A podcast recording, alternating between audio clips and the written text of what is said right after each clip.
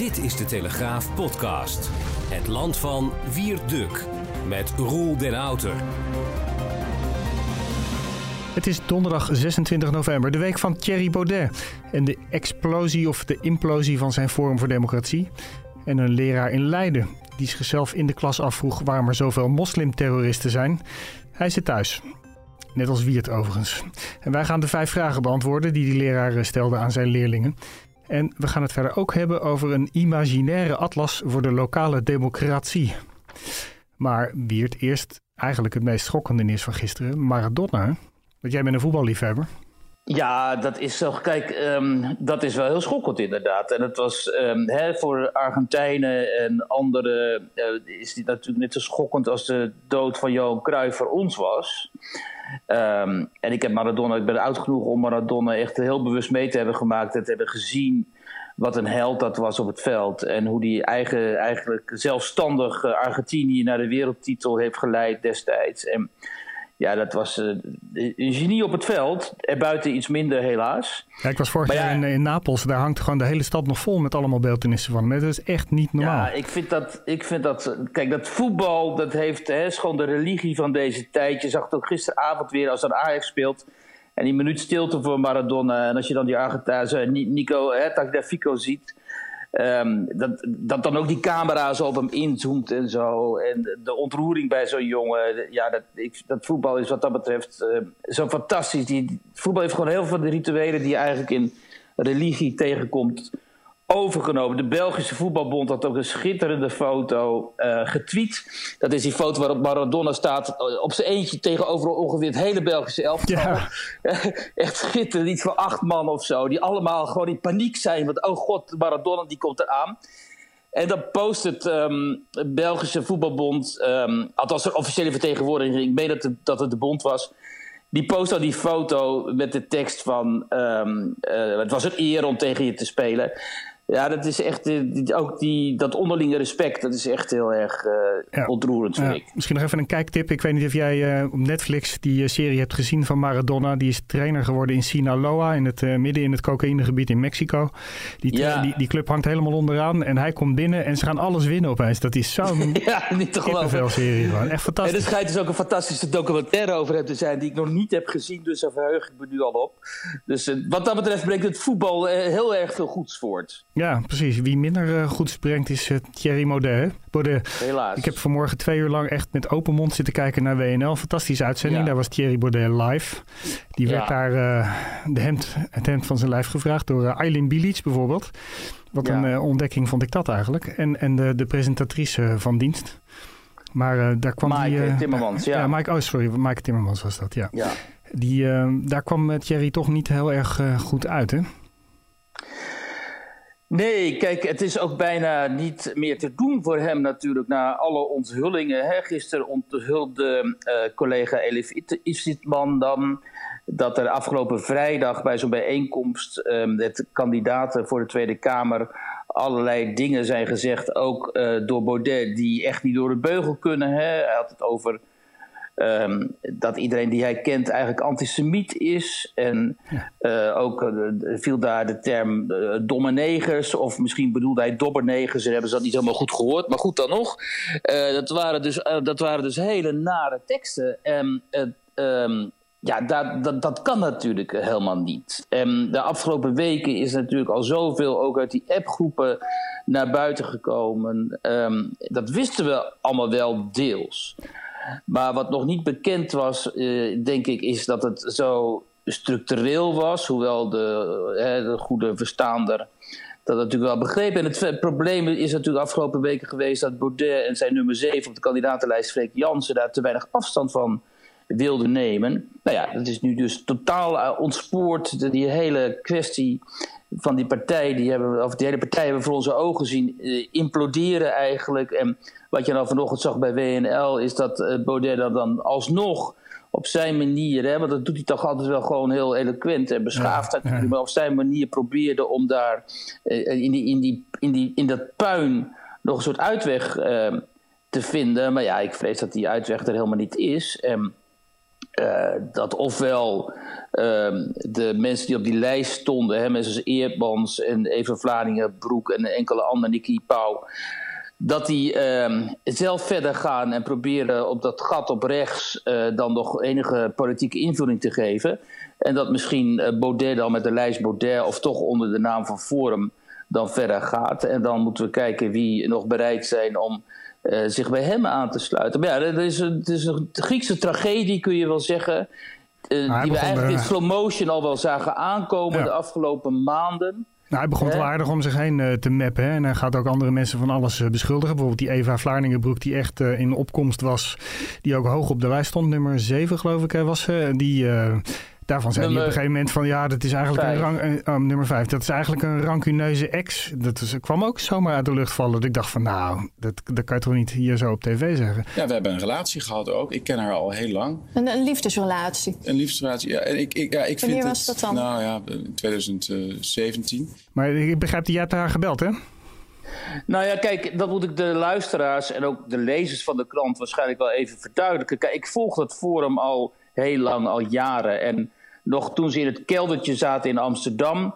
Hè, waar dan zo op die avond een man of 30, 40 bijeenkwamen. Toen Forum nog helemaal geen partij was, maar een denktank eigenlijk. Of gewoon een leuk platform voor uh, tegendraadse meningen was het destijds nog over de Europese Unie en over ook Oekraïne en over uh, allerlei andere zaken. Daar verzamelden zich destijds allerlei mensen, en waaronder ook jongeren die zich verder niet op hun gemak voelden binnen de onderwijsinstellingen waar zij les kregen. En Even Vladingenbroek uh, was er één van. Die was toen nog uh, gewoon piepjong, jaar of 19, 20. En uh, sindsdien ken ik haar en ook haar vader trouwens. En, um, en in die tijd um, is daar natuurlijk ook wel Nee, laat ik het zo zeggen. Kijk, en het, het, Thierry die deed er nu inderdaad voorkomen. Thierry Baudet die deed nu inderdaad voorkomen. Alsof even Vlaardingenbroek, die inmiddels is opgeklommen. Ze is rechtsfilosoof. Ze wilde promoveren. Ze uh, maakt deel uit van, maakte deel uit van die kandidatenlijst. Dus ze had een promotie opgegeven om de politiek in te gaan. Ze was inmiddels ook wat bekender geworden. Ook als opiniemaakster en noem maar op. En, en nu lijkt het inderdaad alsof zij uh, rancuneuze uh, ex-minnares is. Zo, maar, hij het wel voorkomen, en, en, ja. En nou ja, en vanochtend uh, hebben we daar even over, over gebeld. En uh, zei ze ook van ja, maar dat, dat, dat, dat, weet iedereen die destijds ook in dat keldertje kwam. Dat was een, een paar weken een soort fling. En, uh, en dat was bovendien voor 2017. Um, en het, dat stelde allemaal niks voor. Dus um, ja, dat is een beetje onverkwikkelijk. Okay, maar je wordt, wel, ze wordt wel op de publieke omroep eventjes publiekelijk uitgemaakt voor het een en ander. Dit, dit, ja, dus um, hè, en die, die mensen, dat merk ik ook wel, want ik heb ook wel een aantal van die andere mensen gesproken, van die, hè, die, uit, uit, uit, die hier nu zeg maar in verwikkeld zijn geraakt. En ik merk wel dat ze zeggen: dit modder gooien, dat is een verschrikking natuurlijk. En dat moet stoppen. Dus ik heb de indruk dat de mensen die in de oppositie zijn tot Baudet nu willen gaan proberen om in ieder geval die, die oorlog die is uitgeroepen en die woedt tussen hen, met dit, ook dit soort suggesties uh, op, de, op de nationale televisie, dat ze dat zo snel mogelijk achter zich willen laten. En dat ze willen proberen om nog een soort enigszins levensvatbare partij uh, bijeen te houden of bijeen te krijgen, die dan in maart um, uh, dat gat moet, zou, ja. zou moeten gaan vullen. Maar ja. Er is nu inmiddels zo enorm veel schade aangericht. En ik uh, vrees dat al die kiezers, um, uh, van wie ik toch ook een heel groot aantal mensen al, ook al jaren volgen eigenlijk, uh, dat die verweest achter zullen blijven. En ik heb een paar van die forumkiezers van het eerste uur gesproken, mm -hmm. ook de afgelopen dagen. Ja, en die zijn echt um, zo enorm teleurgesteld hierin. En, hè, en ook bijvoorbeeld. Um, Um, ik herinner me het eerste stuk dat ik schreef, of een van de eerste stukken die ik schreef voor de Telegraaf toen ik uh, in dienst kwam. Dat was in 2017. Um, dat was mijn eerste uh, wekelijkse bijdrage. Dat ging dus over uh, VVD-stemmers in Haarlem. Een groot aantal, een hele groep mensen die, die al decennia op de VVD stemden. Ja. En die nu van plan waren, en dat gingen, hebben ze ook gedaan, om op Forum voor Democratie te stemmen. En die durfden destijds al niet, uh, met name toenaam, uh, echt in de krant. Omdat ze, nou ja, gewoon belangrijke functies hebben daar in Haarlem. En, en, je stapt niet zomaar uit je sociale comfort, comfortzone, zoals het heet. En bekend dat je dan op zo'n nieuwe partij gaat stemmen, die destijds al enigszins controversieel was, natuurlijk, Forum voor Democratie. Maar goed, ze wilden toch met mij praten. En uh, waren ook overtuigde forumstemmers geworden. En, en ook overtuigde niet-VVD-stemmers, laat ik het zo zeggen. Nou ja, en die trend die bevestigde zich natuurlijk in de, in de periode daarna... tot aan die statenverkiezingen, toen Forum voor Democratie notabene de grootste partij van Nederland werd. En ook voor Mark Rutte een enorme bedreiging, waardoor Rutte uiteindelijk zelfs het debat moest zoeken, hè, persoonlijk met uh, Baudet. Dus die partij Forum van Democratie en Baudet ook als persoon, ja, die speelde kennelijk in op een enorme behoefte daar op dat rechts, uh, op dat gat daar, conservatief, centrum-midden, conservatief Nederland, zochten zo iemand Um, dus uh, Baudet had uh, goud in handen. Uh, hè, en dat heeft hij toch, dat moeten we echt toegeven nu, enorm verkwanseld door al die afgrijzelijke associaties met radicaal rechts, antisemitisme racisme, noem maar op. Dus alles wat je gewoon niet wilt en wat Nederlanders ook echt niet willen. Nee. Hè? Nederlanders die trekken dat niet. Nee, maar waar, waar, moeten die, waar gaan die mensen heen? Waar moeten ze heen? Want het is toch ja, een groep van 20% zo'n beetje van Nederland. Dat dus nu niet. Die mensen die ik sprak, die zeggen ook... ja, we willen echt niet terug naar die VVD. Ten meer die, die VVD ook nog sociaal-economisch op wil schuiven naar links. Ja, want dit zijn mensen die, die houden daar niet van. Dit zijn gewoon liberalen. Uh, en die hebben nu niet... Um, uh, een partij. En dat is dus, dat is dus ernstig, hè, dat deze mensen alweer niet um, uh, een politieke vertegenwoordiging kunnen vinden. En aan de andere kant is ook ernstig, wat de afgelopen weken gebleken is, en daar moeten we ook eens een keer onze ogen voor openen, dat kennelijk al dat racistische en nazistische geblaad van, van jongeren in die, in die appgroepen en zo, dat dat. Uh, ten eerste bestaat en dat dat kennelijk toch wel wat bredere uh, aanhang heeft. En dat daar niet tegen wordt opgetreden door volwassen mensen die ja. politieke verantwoordelijkheid hebben genomen. En die in de leiding van zo'n partij zijn gaan zitten. En die hadden moeten zeggen: ja, maar hier willen wij ten ene malen niet mee geconfronteerd worden. Dit, dit, dit gooien wij onmiddellijk uit onze partij. Ze hebben tijd genoeg gehad je... om in te grijpen. Wat zeg je? Ze hebben tijd genoeg gehad om in te grijpen, want het was al langer, Voldoende al maanden tijd bekend. natuurlijk om in te grijpen. Dit speelde al zo lang en telkens kwam het naar buiten. En dan kun je, af, dan kun je nog zeggen, ja, die media, hè, linkse media, zijn ons vijandig gezind en zo. Maar als je, hè, als je, op, op, op, op, als je dit electoraat wil aanspreken, dan moet je dat zo afbakenen van het extreemrechtse deel van de samenleving. Dat altijd bestaat natuurlijk. Hè. We weten, soms weten we misschien niet voldoende hoe groot ook uh, dat deel van de burgerij is. Maar hoe, groot, maar hoe groot denk jij dat het is? Want vroeger had je de Volksunie. Uh, die, die, haalde nooit eigenlijk een zetel ergens. Dus de, de, nee, precies, die speelde geen rol. Ik weet niet. Nee, inderdaad, dat zou je ook denken. En kijk. Um, uh, Shamira Ravela, dat is een, uh, een documentairemaakster. Die heeft een film gemaakt over Constant Kusters van Ja, ja. de Volksunie. En dan zie je toch, als je die documentaire ziet... dan zie je toch wat een enorm marginale groep mensen dat is. Dus daar is ook helemaal... Ook al zou je het willen... ik denk dat er helemaal niks te halen is voor jouw electoraal. Maar hoeveel mensen denk jij dan dat er echt in die Forum voor Democratie jongerenbeweging... dat die echt nazistisch zijn? Gaat dat om tientallen, honderden, misschien wel duizenden?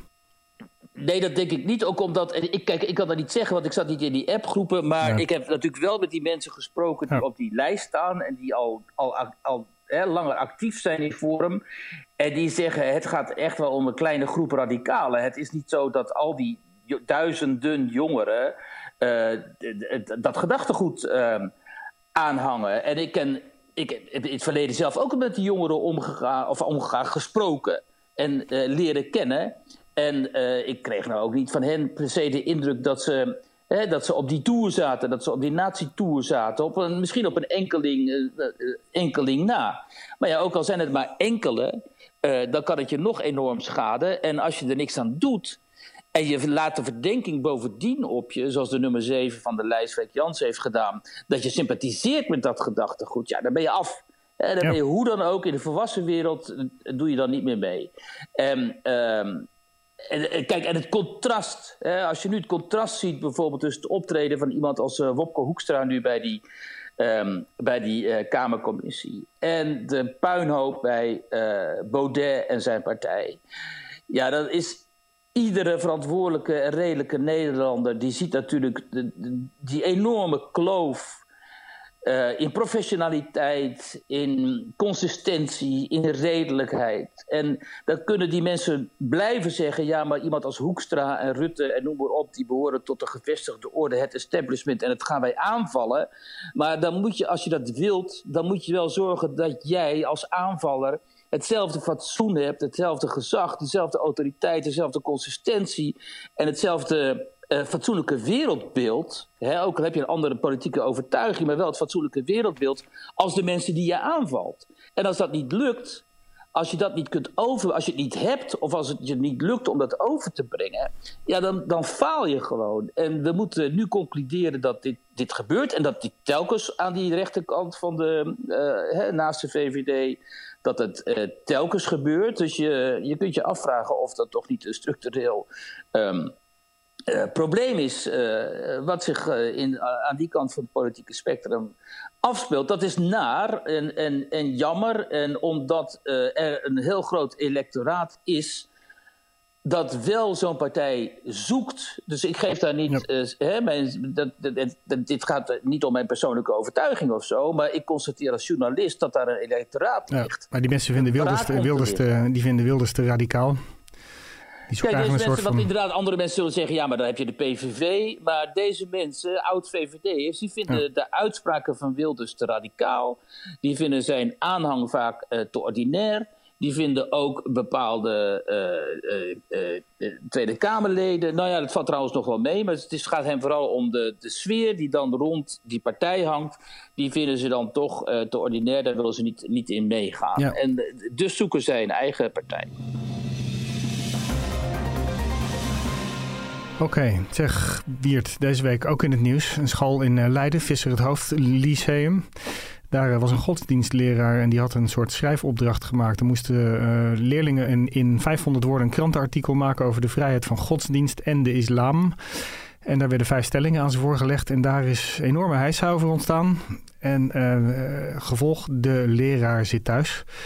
Toen had ik zo'n gevoel van, daar gaan we weer. Ja, dat is natuurlijk weer een uh, vrij rampzalige uh, geschiedenis. Want die leraar, die, hè, zoals je zegt, had dus een aantal vragen gesteld aan. of een aantal vragen opgeworpen waar leerlingen een uh, proefwerk of een, een, tekst over moesten schrijven. Hè, 500 woorden over die vijf vragen. Um, en vervolgens is daar dus over geklaagd. En het resultaat is dat die leraar uh, heeft moeten onderduiken, althans, daar komt het op neer. En dat de schoolleiding afstand heeft genomen uh, van, van die opdracht. Ja.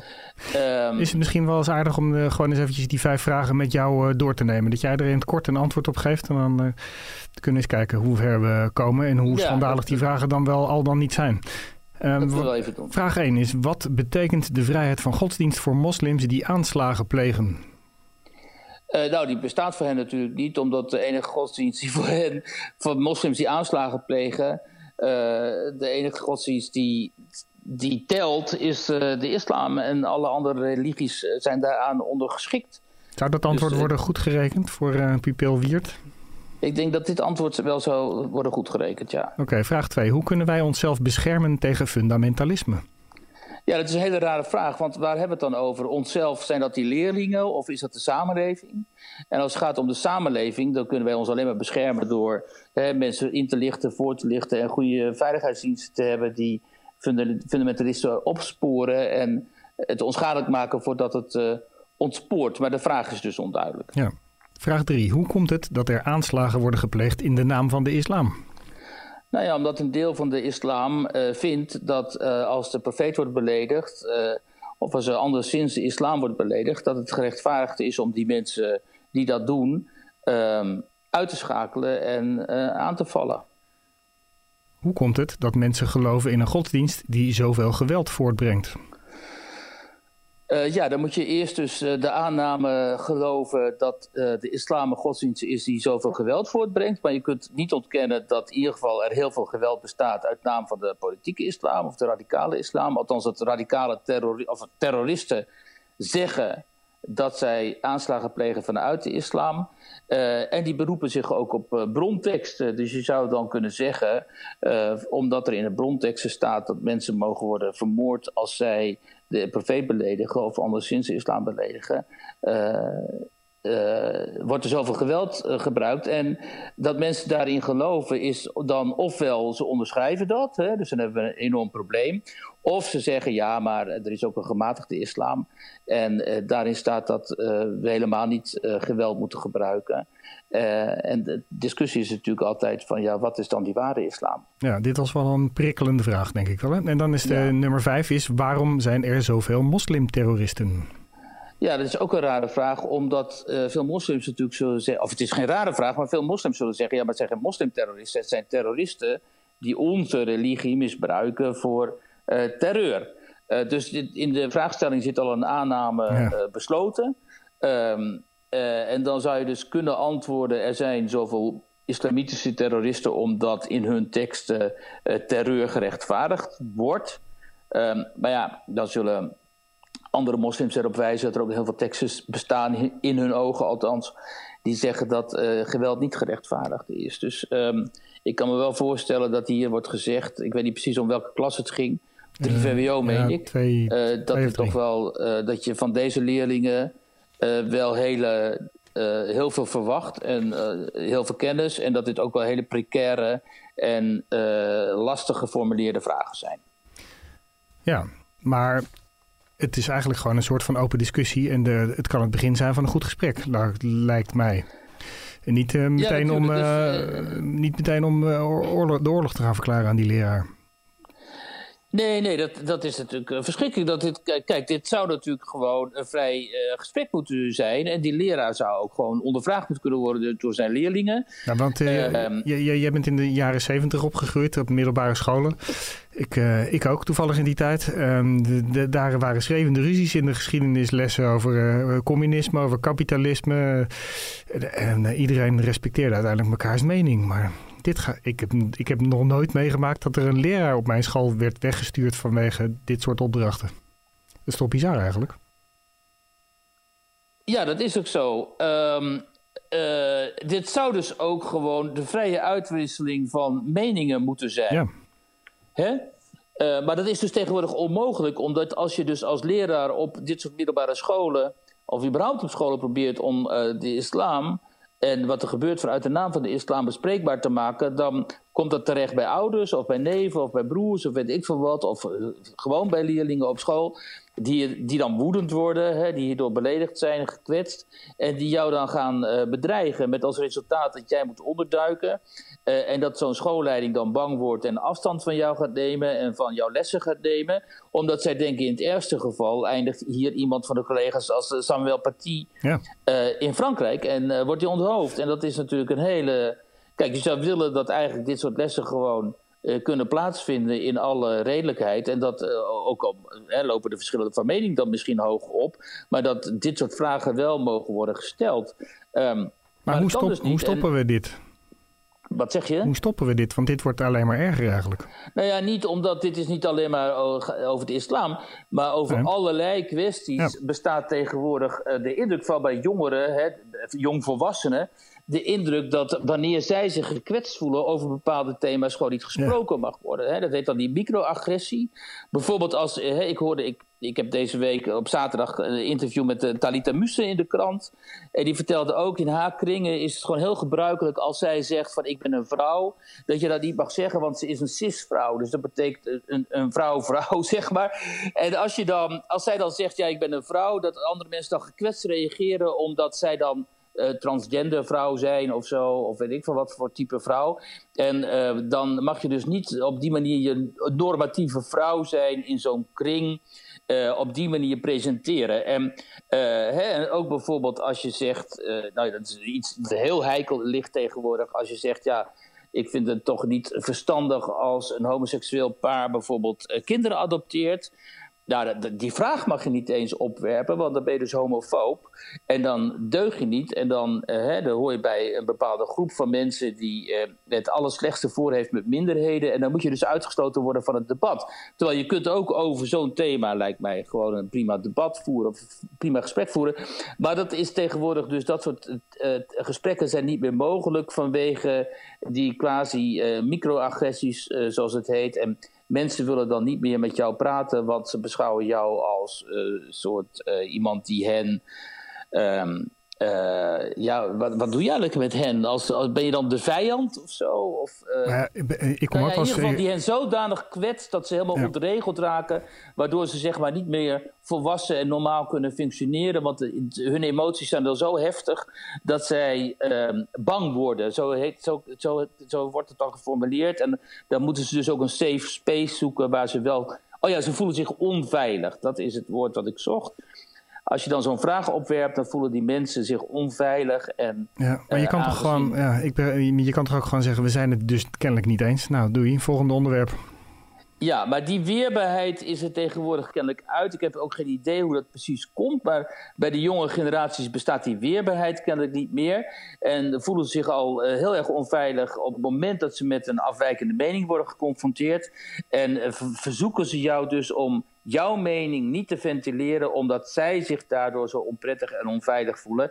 Wat ertoe leidt dat allerlei onderwerpen dus taboe worden. Hè, waaronder eh, de islam, maar ook eh, allerlei andere eh, onderwerpen die betrekking hebben op minderheden. Of ze nou minderheden zijn, seksuele minderheden of gender of religie. Maakt niet uit. Of op ras. Hè. Ja, Ehm, maar Wiert, wij blijven, dat soort, wij blijven dat soort dingen gewoon benoemen. Ja. Precies. En daardoor verdwijnt dus het debat in de samenleving Ja. en, en eindigt het eh, met een monoforme mening. Opinie Nou ja, dat is natuurlijk ook het probleem, want die, die gekwetste mensen gaan natuurlijk ook niet deze podcast luisteren, want die, willen, die gruwelen van, eh, van jouw mening. Ja, precies. Ja, ja ook dat. Ja, ja, ja. Je had vandaag weer eh, in Nederland rubriek in de, in de krant. Eh, dat gaat over een imaginaire atlas van de lokale democratie. Daar moest ik wel eventjes eh, heel hard eh, nadenken ja wat je heel daar lastig. nou mee moet je heel hard nadenken. Wat kan dat in vredesnaam zijn? Ja. En? Ja, Vertel. En dat is dus ehm, eh, vanuit het ministerie van Binnenlandse Zaken en vanuit de Vereniging van Nederlandse Gemeentes en nog wat eh, beroepsverenigingen. ehm, is er een soort actie gestart om eens te kijken hoe functioneert nou die lokale democratie? Ehm, hoe staat het daarmee? En eh, hoe kunnen we dat verbeteren? En eh, kijk, normaal gesproken dan roep je een aantal eh, slimme mensen bij elkaar. Die schrijven dan wat essays en die publiceren dan zo'n bundel. En zo'n bundel verdwijnt dan in de la. En nu was het goede idee daar opgevat bij die, bij die groep die dit moest aanzwengelen. Om eh, Jean Clare, dat is een grafisch ontwerper, beeldend kunstenaar eigenlijk uit Deventer. eh, te vragen om ehm, een kaart te maken. Om die lokale democratie in kaart te brengen. Hè, in cartografische beeldtaal, zoals het heet. En dat betekent dat Klare eigenlijk een soort imaginair land heeft ehm, eh, eh, bedacht. Ja, het is een podcast, dus we kunnen het niet laten zien. Maar het, het ziet eruit als twee eilanden die aan elkaar gesmeed er zijn. staat zeg vandaag in de krant, dan zie je twee schiereilanden. Hè? Aan de rechterkant de burgers, aan de linkerkant het bestuur, zo was ik, meen ik. En dan met een, met een eh, die zijn met elkaar verbonden met een hele smalle strook. Want ja, er is een grote kloof tussen die twee werelden. Ja. En de- via die smalle strook zijn ze dan nog met elkaar verbonden. En Klare heeft daar samen met die groep mensen eh, die al die eh, tekst hebben geschreven en zo. ehm, enorm leuk in kaart gebracht en interessant ook. Hoe nou al die aspecten en al die, die, die, zeg maar, die verhoudingen in, binnen het lokaal bestuur. tussen ambtenaren, burgers, eh, bestuurders, lobbyisten, burgers en burgers, hè, rijk, arm en zo. Eh, Dat heeft hij geprobeerd in, in een soort landkaart, eh, kaarten, want het zijn verschillende kaarten. ehm, te vatten. En dan krijg je dus een heel visueel beeld van de lokale democratie in Nederland. Dat is hartstikke leuk. Is ook gratis aan te vragen overigens. Dus men kan een heel mooi boek eh, krijgen eh, zonder daarvoor te hoeven betalen. Dus voor Nederlanders is het ook altijd eh, heel fijn. Ehm, en dat is aanleiding, dat boek, om te praten over die stand van de lokale democratie. En ik sprak daarover onder andere met René Cuperus, een oude bekende van mij, maar die heeft ook bijgedragen aan het boek. En die zijn een aantal behartenswaardige dingen, waarvan ik er wel twee uit wil lichten. Namelijk ten eerste, zegt hij, die gemeenteraden, waarin ook lokale partijen actief zijn, die vaak heel veel wortels hebben in de lokale gemeenschap, uh, die zijn eigenlijk uitgehold de afgelopen jaren doordat de bestuurders zich steeds meer onder elkaar begeven in een soort. Um, uh, bovenregionale fora, daar, wordt er over de energietransitie en, en, zo gesproken met elkaar. En dat zijn geen fora die democratisch uh, uh, gecontroleerd worden. Dus die gemeenteraden hebben daar geen toegang toe, die raadsleden niet. En ze kunnen die, dat soort fora dus ook niet uh, controleren. Wat natuurlijk heel slecht is voor de, de, lokale democratie. Want die fora die komen dan met ja. allerlei plannen en ideeën. En die gooien, strooien die uit over die burgers. En dan moeten die burgers maar zien wat ze daar, daarmee doen. Zodat de, die gemeenteraad er echt goed kennis van heeft kunnen nemen. Okay. En een ander punt is, wat ook interessant is, vind ik, is dat er um, juist om die de, lokale democratie wat aan te jagen, zijn er de afgelopen jaren allerlei uh, projecten ontwikkeld, uh, uh, burgerparticipatieprojecten bijvoorbeeld, dat burgers kunnen inschrijven op gebieden waar de gemeente volgens hen tekort schiet. Weet ik veel, de plantsoenendiensten of zo, of andere van die gemeentelijke taken die waarvan dan burgers zeggen: ja, maar dat kan ik beter, dus laten wij, laat ons het dan maar doen. Hè? Uh, nou, dus op zichzelf is er natuurlijk uh, heel veel voor te zeggen, maar wat blijkt dan? Dat mensen die daar dan zeg maar op inspelen, die zijn sowieso al politiek actief in zo'n gemeenschap. Hè? Dus dan de, de oud-rector of de, de, de, bakfietsmoeder van GroenLinks of hè, de oud-hoofdredacteur van de lokale krant, die altijd al via de Partij van de Arbeid en zo actief zijn geweest in zo'n lokale gemeenschap. En die krijgen nu nog meer mogelijkheden om zich met die lokale politiek te bemoeien. Terwijl het er natuurlijk om gaat om die mensen die eigenlijk niet eens weten wie hun burgemeester is. En die heel op grote afstand staan van het bestuur en van die politiek. Om die, die te mobiliseren. Dus dat, dat lukt dan via die burgerparticipatieprojecten uh, ook niet echt. Nou goed, en deze atlas is bedoeld om al dat soort problemen in kaart te brengen, letterlijk in kaart te brengen. En uh, uh, die lo lokale democratie wat te verstevigen. En dat is natuurlijk wel belangrijk ook in een tijd waarin mensen eigenlijk Hè, ze voelen zich nauwelijks nog door, door Europa vertegenwoordigd, want dat is ook zo'n amorfe zeg maar, entiteit, hè, waarvan een heel groot aantal mensen dat daar actief is, politici, wordt niet eens gekozen. Nou ja, we hebben net geconstateerd dat een groot aantal mensen zich ook via de nationale, nationale politiek niet meer vertegenwoordigd voelen. En helemaal niet in die nationale partijen in de gemeenteraden, die toch worden gezien als de afgeleide van die, ja. van die hè, de nationale, de, de, de, CDA, VVD en zo, van de ja. nationale partijen.